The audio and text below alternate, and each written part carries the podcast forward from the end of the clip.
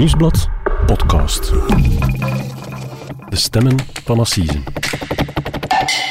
Hallo, mijn naam is Mark Lefman, misdaadreporter bij het Nieuwsblad. En ik ben Cedric Lagast, journalist bij diezelfde krant. En dit is onze podcast, De Stemmen van Assisen, waarbij we u meenemen achter de schermen van elk belangrijk proces. En vandaag hebben we het over de moord op de kleine Dien. De kleuter die werd ontvoerd en later dood werd teruggevonden. Hij was toen bij een man die eerder al werd veroordeeld voor de dood van een ander peuter. Hoe kon dit gebeuren?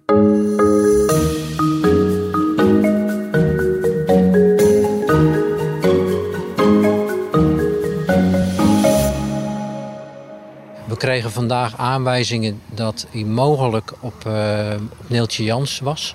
Dus daar zijn we gaan zoeken en daar hebben we hem inderdaad uh, aangetroffen. Het is inderdaad een heel afgelegen gebied, op een afgelegen parkeerplaats. En daar hebben we hem in de buurt van het water aangetroffen. Dag Cedric. Dag Mark. Cedric, het is een beetje een aparte setting. Uh, we nemen deze podcast uh, omwille van coronamaatregelen uh, thuis op en dus niet in de studio. Maar ja. we hebben het vandaag over, ja, over de zaak die heel Vlaanderen de hele week beroerd heeft. En, Absoluut, ja. We hoorden hier net in het fragment de Nederlandse politiewoordvoerder Alwin Don. Dat was bij onze collega's van Omroep Zeeland, maandagavond laat. Nu, dat was op het moment waarop de ontvoerde kleuter uh, Dien Verbergmoes ja, dood werd teruggevonden. Uh, het was op dat moment een slag in het gezicht ja, bij iedereen, ook bij ons. Ja, ook bij ons, Mark. Um, al hadden wij dat misschien al een klein beetje zien aankomen, omdat wij er die dag zo dicht op zaten. We wisten dat de politie op zoek was naar een man en naar een vierjarige jongen. En toen we eerder op die dag het nieuws kregen dat alleen die man was teruggevonden, zonder de jongen, ja, toen zag het er al niet goed uit. Hè. Nee, absoluut niet. Dien is uiteindelijk, zoals je zegt, maandagavond om, om, om tien uur s'avonds teruggevonden op een heel afgelegen plek aan de Nederlandse kust. Ik ben kort daarna nog opgebeld door een collega, een Nederlandse journaliste, die eigenlijk vlakbij was en, en het nieuws daar te horen kreeg. En, en kort daarna heeft eigenlijk de Nederlandse politie het nieuws ook zelf bekendgemaakt met een heel kort bericht. De vermiste Dien uit België is zojuist overleden aangetroffen. We bedanken iedereen voor de hulp en leven mee met de familie.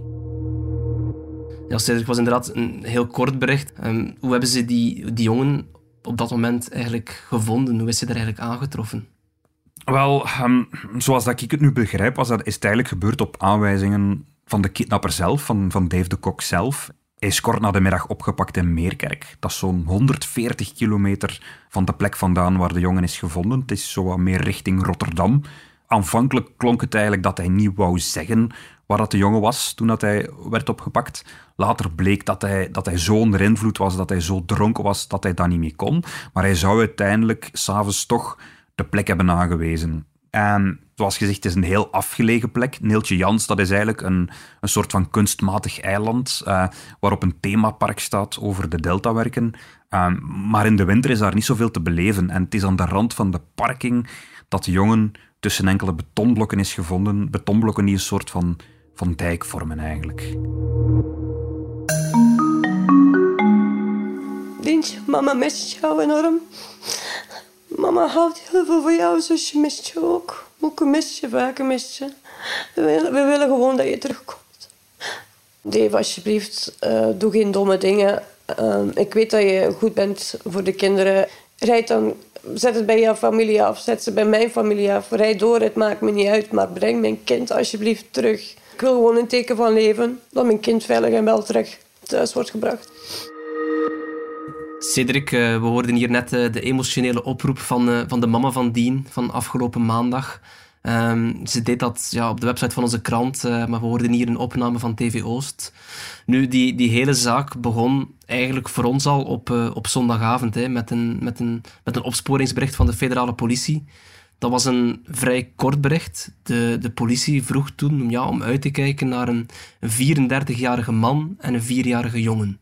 Ja, het werd niet met zoveel woorden gezegd dat het om een ontvoering ging, maar we zagen natuurlijk meteen dat de man en het kindje dat die een andere familienaam hadden en dat het dus wellicht niet om een vader en een zoon ging. Weten we eigenlijk hoe die ontvoering dan, ja, dan is de werk is gegaan nadien? Uh, ongeveer wel. Ik heb maandagmiddag lang gesproken met uh, Elke Verbergmoes, dat is de mama van Dien. En uh, het is een beetje op basis van haar verhaal dat we het wat kunnen reconstrueren. Dus Elke Verbergmoes is eigenlijk een alleenstaande mama van twee kindjes. Die heeft nog een zusje. En door omstandigheden moest ze eigenlijk vorige week een beroep doen op een oppas. Want um, ze moest opgenomen worden in het ziekenhuis. En normaal gingen haar kinderen overdag naar school. En s'avonds werden ze dan opgevangen door haar oma, door, uh, door haar moeder liever, door de oma van Dien. Um, maar omdat Dien net die week een kleine ingreep had gegaan, um, kon hij niet naar school. En overdag was er dus eigenlijk geen opvang voor hem. En een van de vriendinnen van de mama had aangeboden om woensdag en donderdag overdag op Dien te passen. En die vriendin, wie is het dan precies? Die vriendin, dat is dan de partner van Dave de Kok. Een beetje de boezemvriendin van, van, van de mama. Ja, ze, ze noemt die de knuffelmeter van Dien. Ja. Dus het is geen familie of zo, maar ze hebben een goede band en... en bon, um, en ze had veel vertrouwen in, in, in die vrouw. Ja, en die, in die vrouw wel. Die vrouw kent ze al een tijdje en ze kwamen daar um, s'avonds over de vloer. Ze hebben ook samen kerstmis eh, gevierd en zo. En um, Dave de Kok, de vriend van die vrouw, die kent ze nog niet zo lang, sinds de zomer ongeveer, denk ik. Mm -hmm. uh, maar bon, ook, ook de Kok had al op Dien gepast. En uh, Dien kon blijkbaar goed opschieten met die man. Hij keek naar die man op. En, en, en de mama vond zelfs dat, dat Dave de Kok goed met kinderen kon opschieten. Ik zag inderdaad ook op, op Facebook dat zij, dat zij ook samen kerstavond inderdaad hadden gevierd. Veronderstel dan ja, dat, dat, dat, dat Elke, de mama van Dien, toch met, met ja, misschien het volste vertrouwen haar, haar zoontje bij hen heeft achtergelaten. Ja, absoluut. Dat zegt ze ook, hè, dat ze er vertrouwen in had. Dat ze, dat ze dacht dat er goed voor haar zoontje gezorgd ging worden. Um, Dave de Kok zelf is elke verbergmoes woensdagmiddag nog gaan afzetten aan het ziekenhuis in Sint-Niklaas. Samen met Dien, samen met haar zoontje. En uh, het jongetje zou haar daar aan het ziekenhuis uitgezwaaid hebben, met tranen in zijn ogen en met de boodschap: Ik ga je missen, mama. En dat is de laatste keer dat zij hem gezien heeft, zegt ze. En vervolgens is de kok in zijn auto weggereden uh, naar zijn appartement in Sint-Gilles-Waas. Maar was het dan uh, eigenlijk de bedoeling dat Dien daar maar één nachtje zou blijven slapen? Ja, dat klopt. Dus Dien zou daar de woensdagnacht blijven slapen. En op donderdagavond zou hij Dien terug afzetten bij zijn oma. Maar dat is dus niet gebeurd. Dien is nooit aangekomen bij die oma. Dat ene nachtje zijn twee nachtjes geworden. Uiteindelijk zelf drie nachtjes. En het is eigenlijk pas op zaterdag dat, er, dat het duidelijk geworden is dat er iets niet klopte. En, en ja, je zegt het, hè, twee, twee nachten, drie nachten. Heeft die moeder, heeft, heeft Elke dan niet eh, ja, onmiddellijk alarm geslagen toen, toen haar zoontje plots niet meer opdaagde? Wel nee, maar om, omdat ze in het ziekenhuis was opgenomen, was de communicatie natuurlijk een beetje bemoeilijkt. Um, het, het, koppel zei naar dat Dien graag nog een nachtje bleef slapen. En dan de mama zeiden ze dat dat ook zo was afgesproken met de oma. En dan de oma zeiden ze natuurlijk het omgekeerde, dat, dat de mama het ook goed vond. Wat allemaal gelogen blijkt achter, achteraf. Hè. En het lijkt er ook op dat die vriendin van de kok, dat die ook toch een beetje een kwalijke rol heeft gespeeld door de verdwijning toe te dekken. Maar absoluut een zeer bizarre situatie op dat moment. Maar die moeder kan het op dat moment dan niet, niet, niet echt geweten hebben dat, dat haar zoon ja, weg was. Uh, maar hoe is, hoe is de situatie dan eigenlijk wel aan het licht gekomen? Wel, op zaterdag dus. Um, toen pas heeft die vriendin tegenover de mama opgebiecht dat ze eerder die week ruzie had gekregen met Dave de Kok en dat die was vertrokken. Met Dean. Maar waarom dat hij die jongen heeft meegenomen, dat is onduidelijk. En zelfs wanneer dat hij is vertrokken, dat is nu ook nog onduidelijk. Zij zegt op vrijdagavond, maar, maar binnen, binnen, binnen de onderzoekers wordt daar toch ook al aan getwijfeld. Het kan al vroeger geweest zijn. Want de vraag is natuurlijk, waarom is die jongen op donderdagavond niet terug naar zijn oma gebracht? Misschien was hij op dat moment ook al verdwenen. Vandaar dat in het opsporingsbericht dat zondag verspreid is, dat daar stond dat de jongen spoorloos was sinds woensdag was natuurlijk zeer mysterieus, hè, dat eerste bericht van de politie. Um, En de vraag is dan natuurlijk, ja, van, ja, waar is Dave de Kok dan eigenlijk naartoe gegaan met, met, met Dean? Waar, is hij, waar is hij al die tijd geweest? Wel, dat hebben ze onderzocht. De mama is diezelfde zaterdag nog naar de politie gestapt om, om een klacht in te dienen. Um, de kok zelf heeft nog een aantal rookgordijnen opgetrokken, um, zoals dat heet. Hij beweerde eerst dat hij bij zijn grootouders zat in Antwerpen. En op zaterdagmiddag uh, heeft hij nog met de mama gebeld. En hij beweerde tegenover de mama dat hij een Hasselt was. Maar dat hij een platte band had met zijn auto. En dus dat ze geduld moest hebben. Hij was onderweg naar haar huis. Allemaal hij beloofde dat, dat, dat, hij, dat, hij haar, dat hij haar zoontje terug ging afzetten. Maar ze moest geduld hebben, want hij had een platte band. Dat bleek achteraf allemaal uh, verzonnen. Want toen de politie werd ingeschakeld, hebben ze onmiddellijk bijvoorbeeld zijn gsm getraceerd. En zo konden zij zijn spoor volgen en zagen ze dat hij niet in Antwerpen zat, dat hij ook niet in Hasselt zat, maar dat hij in Nederland zat. En we horen hier bijvoorbeeld Alain Remu van de zelfvermiste personen van de Belgische federale politie bij onze collega's van TV Oost daarover.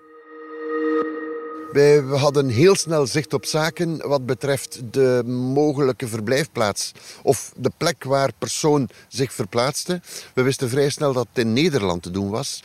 Dus op niveau parket is er dan heel snel contact genomen met de Nederlandse gerechtelijke autoriteiten. En ik moet zeggen, de Nederlandse collega's van hun kant ook, die hebben enorm snel geschakeld. Uh, er is wat zij noemen een TGO opgericht. Dat is een uh, team grootschalig onderzoek met alle mogelijke middelen. Wij hebben daar onmiddellijk twee mensen naartoe gestuurd. En uh, dan is het eigenlijk heel snel gegaan.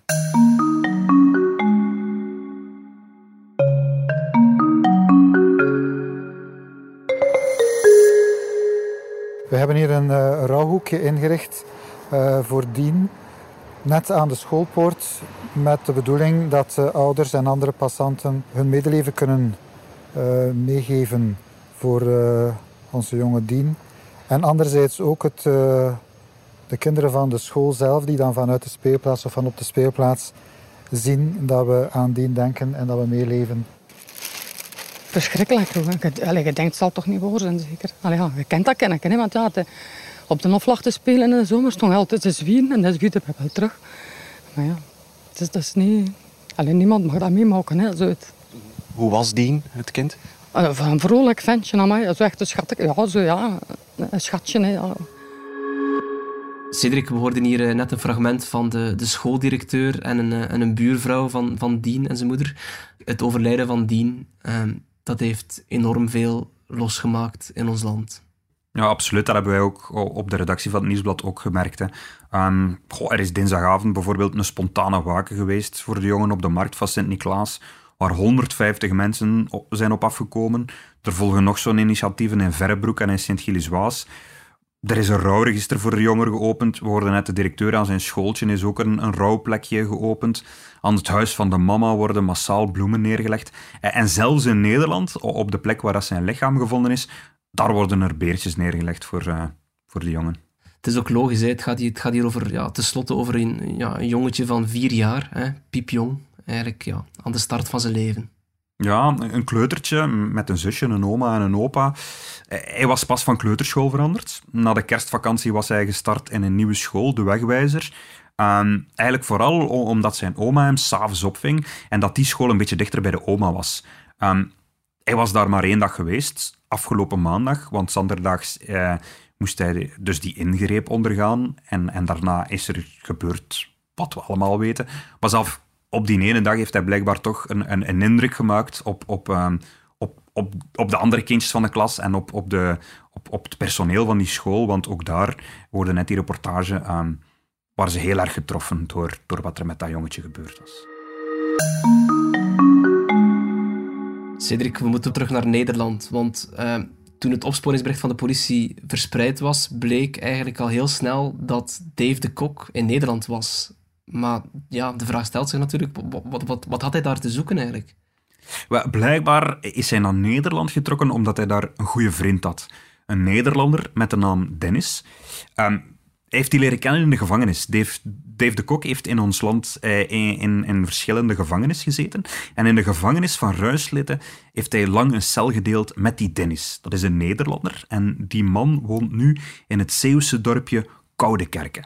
En de kok is naar Nederland getrokken en is op een zaterdagmiddag bij die man thuis opgedoken. Dat heeft die man ondertussen ook verteld aan de Nederlandse politie.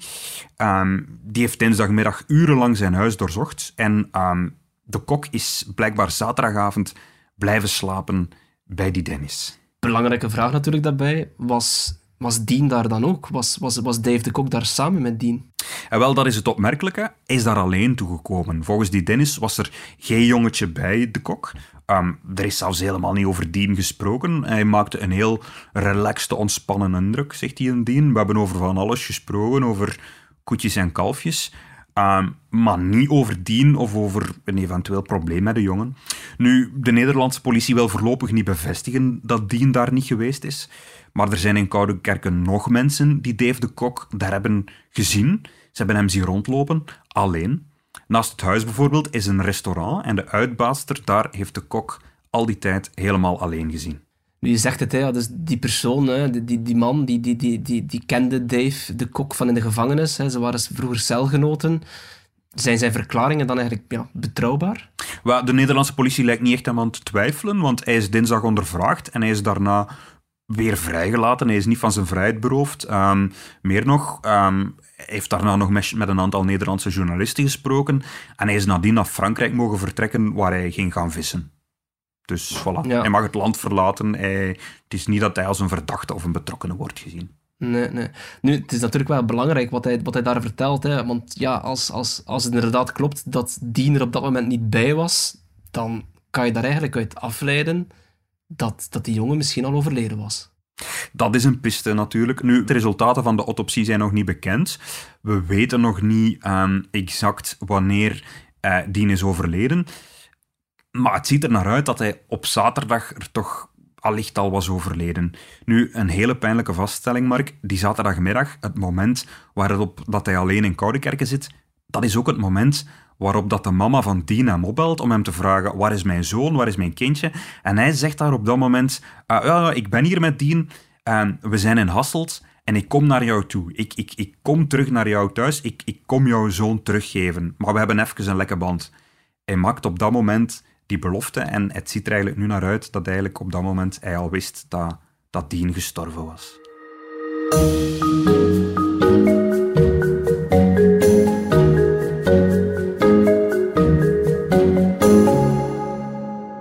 Cedric, de, de reden waarom, waarom deze zaak ja, zoveel mensen aangrijpt, eh, ligt er natuurlijk ook wel in omdat ja, Dave de Kok, die was, die was geen onbekende voor justitie. Hè. Nee. Ehm, hij was al eens veroordeeld voor de dood van een peuter.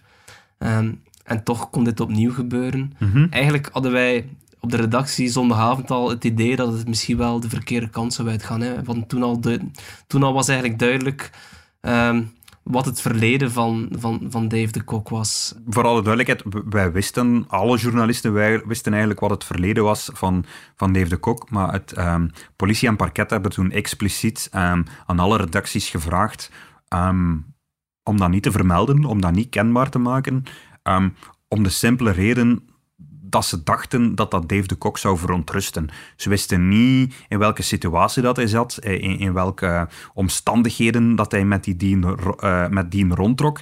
En, en ze vreesden eigenlijk, als hij zou lezen op websites, dat zijn verleden naar boven kwam, dat hij daar slecht op zou reageren en dat hij de jongen misschien niet zou aandoen. En natuurlijk, als krant willen wij geen mensen in gevaar brengen en, en hebben, we, hebben we ons daaraan gehouden eigenlijk. Natuurlijk. Nu, ja, dan, dan de dag nadat het overlijden van Dien is vastgesteld, op dinsdag, eh, zijn we natuurlijk wel verder gaan, gaan spitten in het verleden van, eh, van Dave de Kok. Misschien wel, ja, we zijn eigenlijk een goede maand na het proces van de dood van Judy van Espen.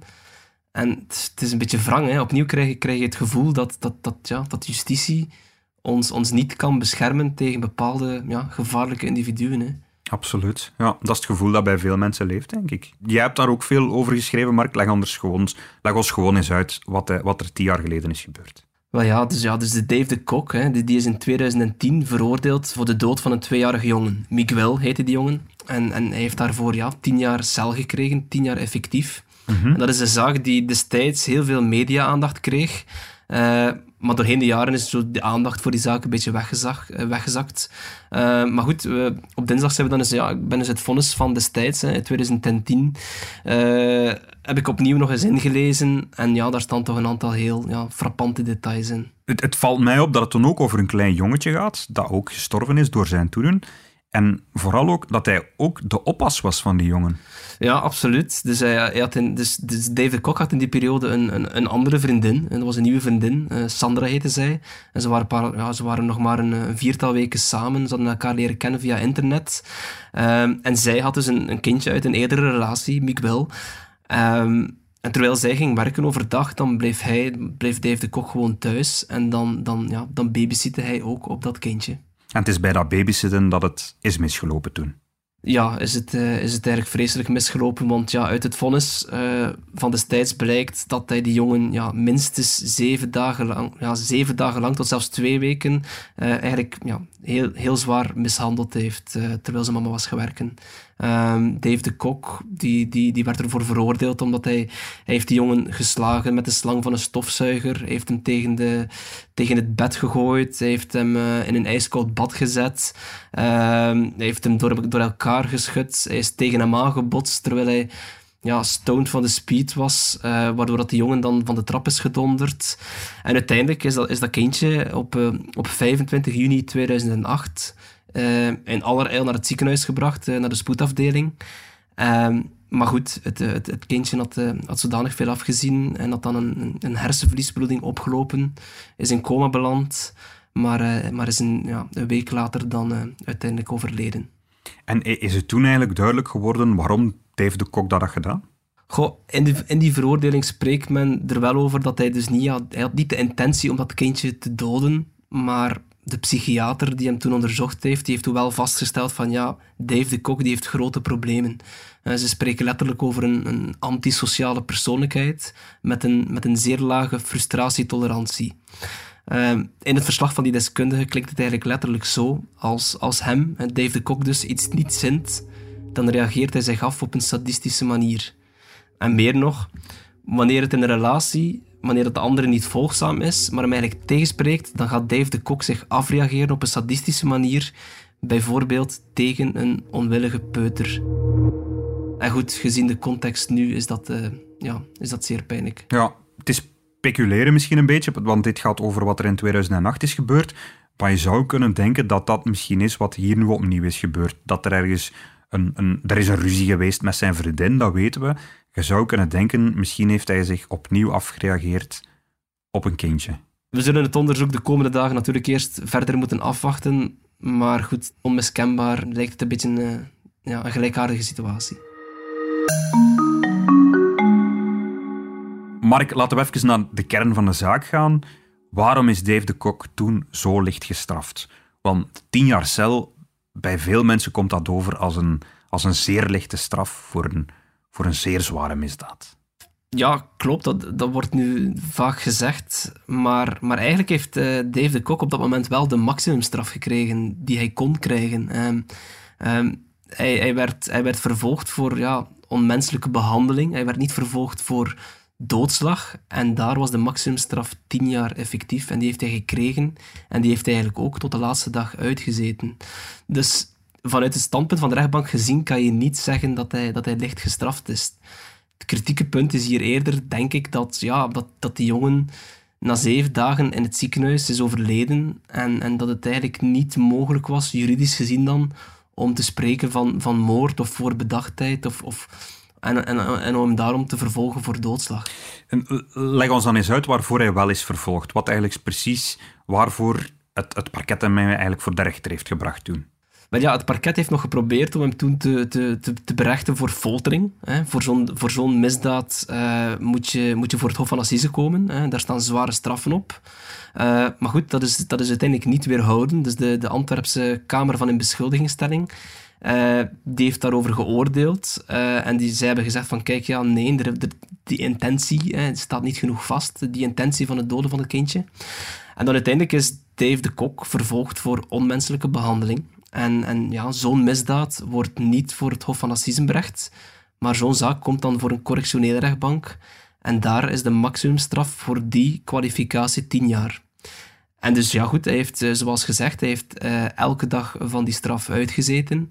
En uiteindelijk is hij in december 2018 is hij, is hij terug vrijgekomen. We wisten toch dat hij heel ernstige feiten had begaan, dat hij een heel zware misdaad had begaan. Is er dan, nadat hij uit die gevangenispoort naar buiten wandelt, is er dan niemand die hem nog een beetje in de gaten houdt? Dat is een terechte vraag, Cedric, maar, maar, maar ja, goed, het antwoord is, is simpel. Het antwoord is nee. Ehm, we hebben dat nagevraagd op de redactie, ehm, maar het antwoord is nee. Uh, Dave de Kok is na zijn, na zijn gevangenisstraf niet opgevolgd. Eigenlijk is het gewoon heel simpel. Straf uitgezeten, dat is straf uitgezeten.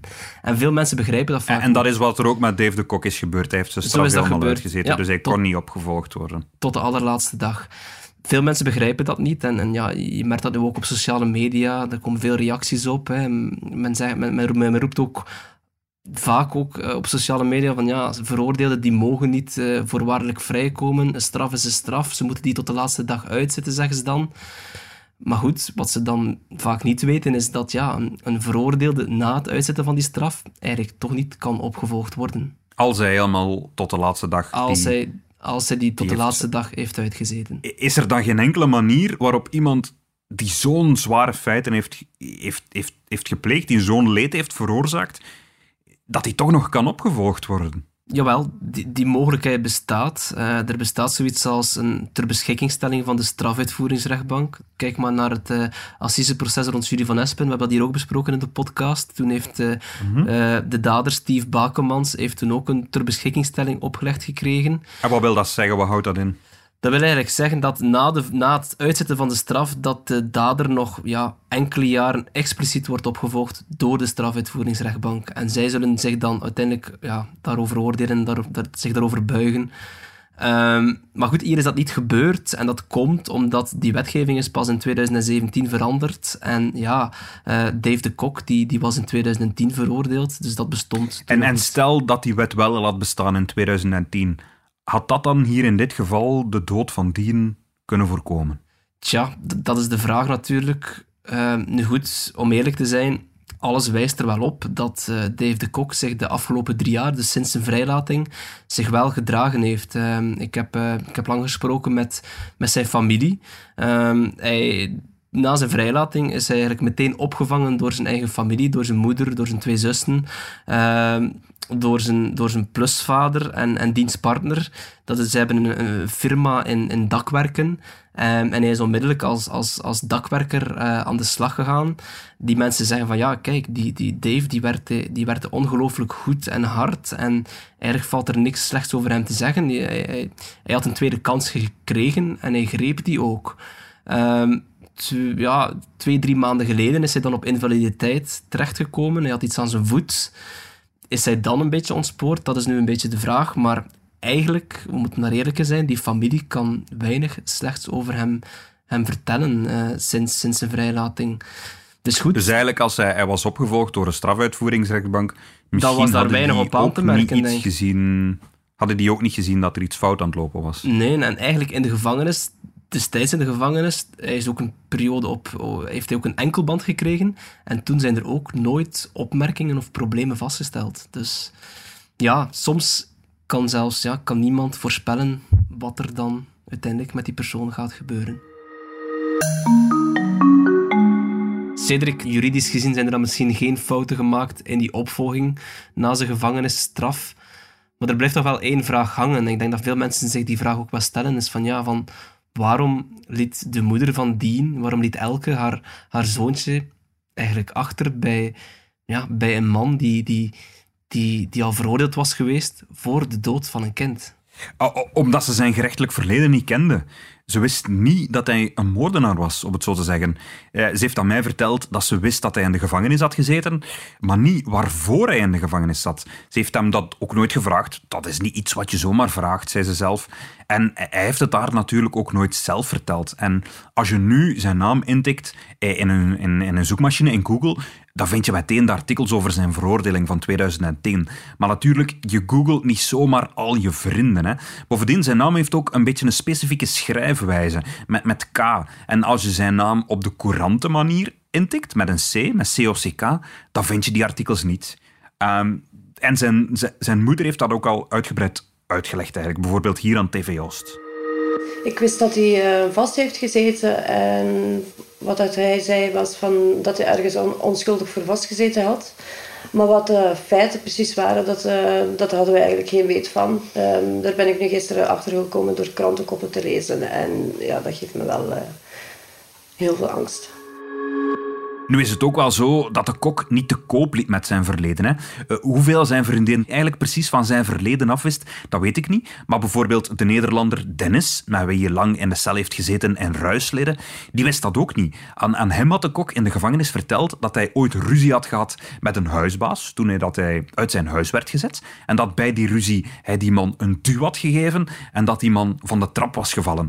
En dat hij daarvoor in, in, in de gevangenis had gezeten. Dus zelfs iemand die zo dicht bij hem stond, iemand uh, die hij als een van zijn beste vrienden beschouwde, want uh, in, in de toch wel zeer kritische situatie is hij naar die Dennis in, in, in, Nederland uh, getrokken. Zelfs die man wist niet wat hij op zijn kerststok had.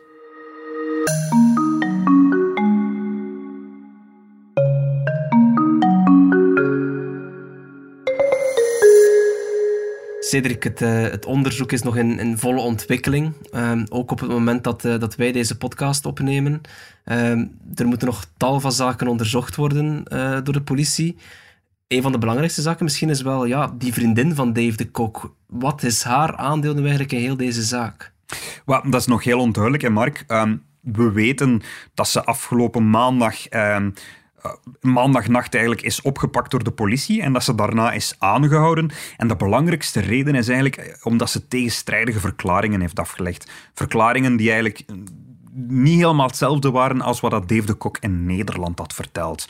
Um, naar wat dat wij horen is er bijvoorbeeld discussie over wanneer dat Dave de Kok zou vertrokken zijn. Maar bijvoorbeeld ook al voor, voor haar arrestatie... Uh, werkte ze niet goed mee, want bijvoorbeeld de politie wou, wou een opsporingsbericht maken over, over Dave de Kok. En um, ze, ze gingen bij haar vragen welke kleren dat hij aan had. Ze beweerde dat ze dat niet wist, dat hij vertrokken was zonder dat ze dat had gezien. Achteraf is dan, dan gebleken um, dat ze dat wel wist. Nu, ze is aangehouden in een moordonderzoek. Ze wordt uh, uh, uh, verdacht van moord, maar dat klinkt heel zwaar.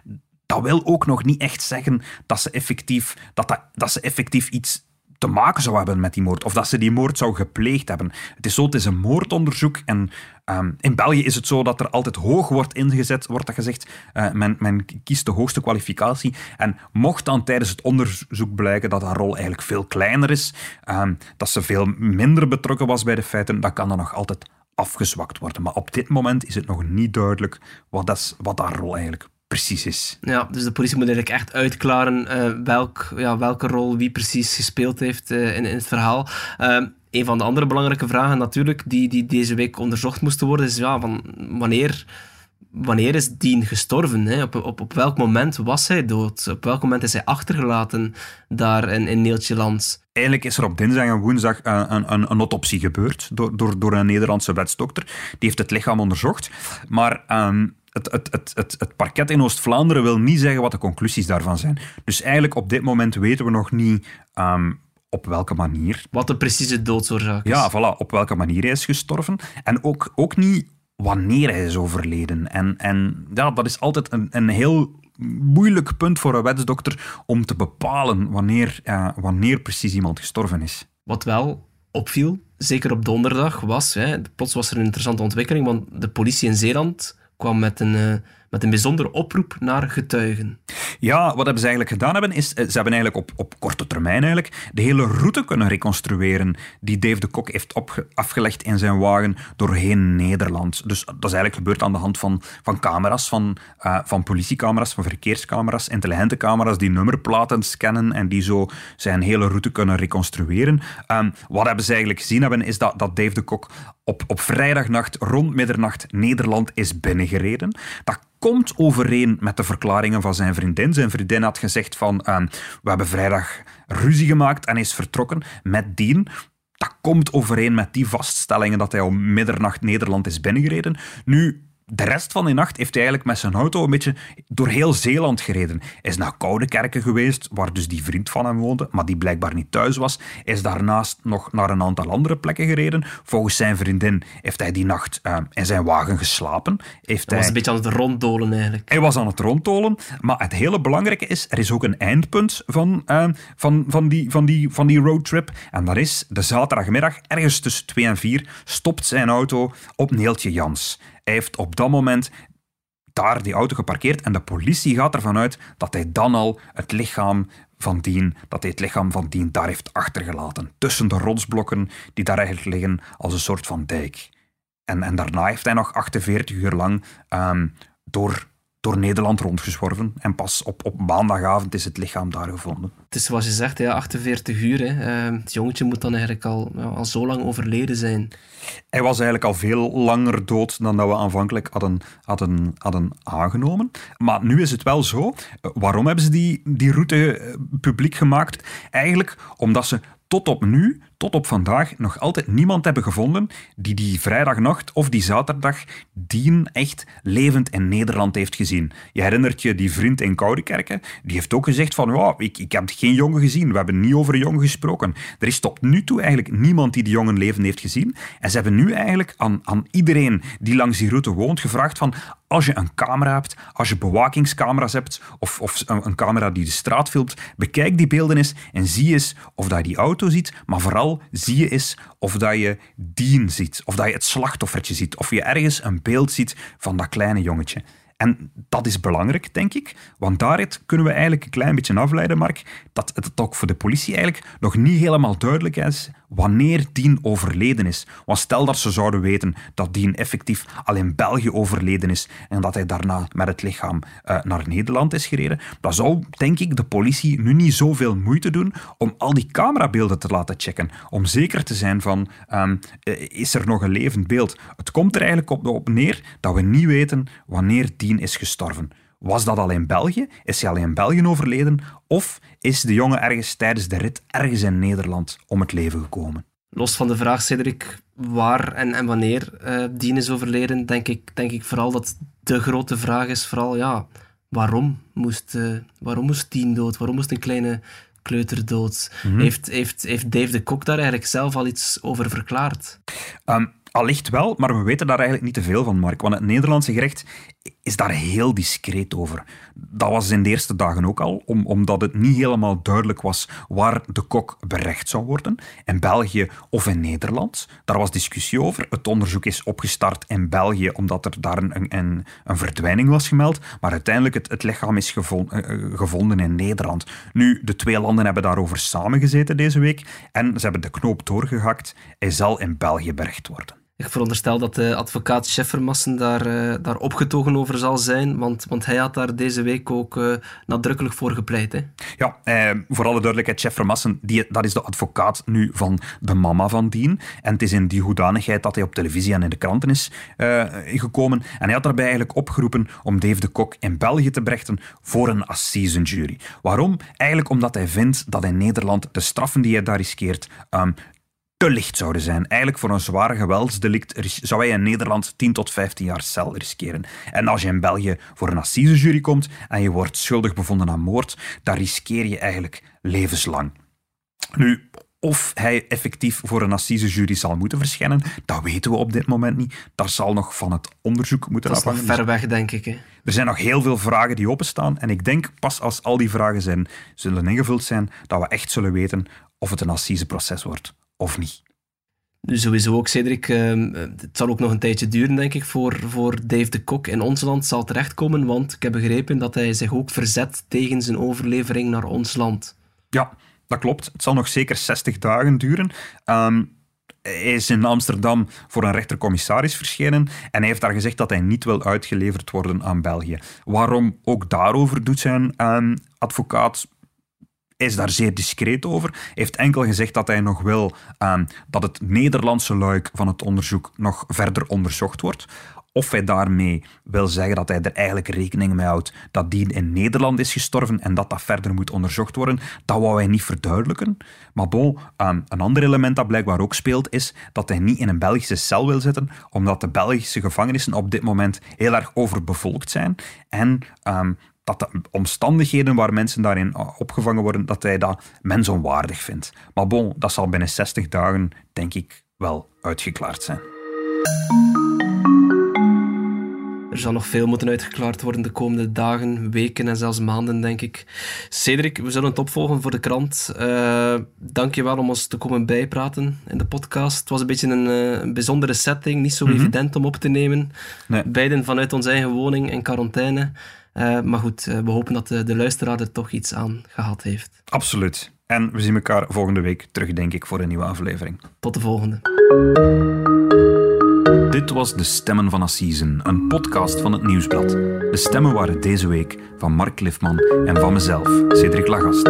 Onze dank gaat uit naar Omroep Zeeland en naar TV Oost voor het gebruik van enkele audiofragmenten. De montage gebeurde door Pieter Schrevens van House of Media en de productie was in goede handen bij Bert Heijvaart.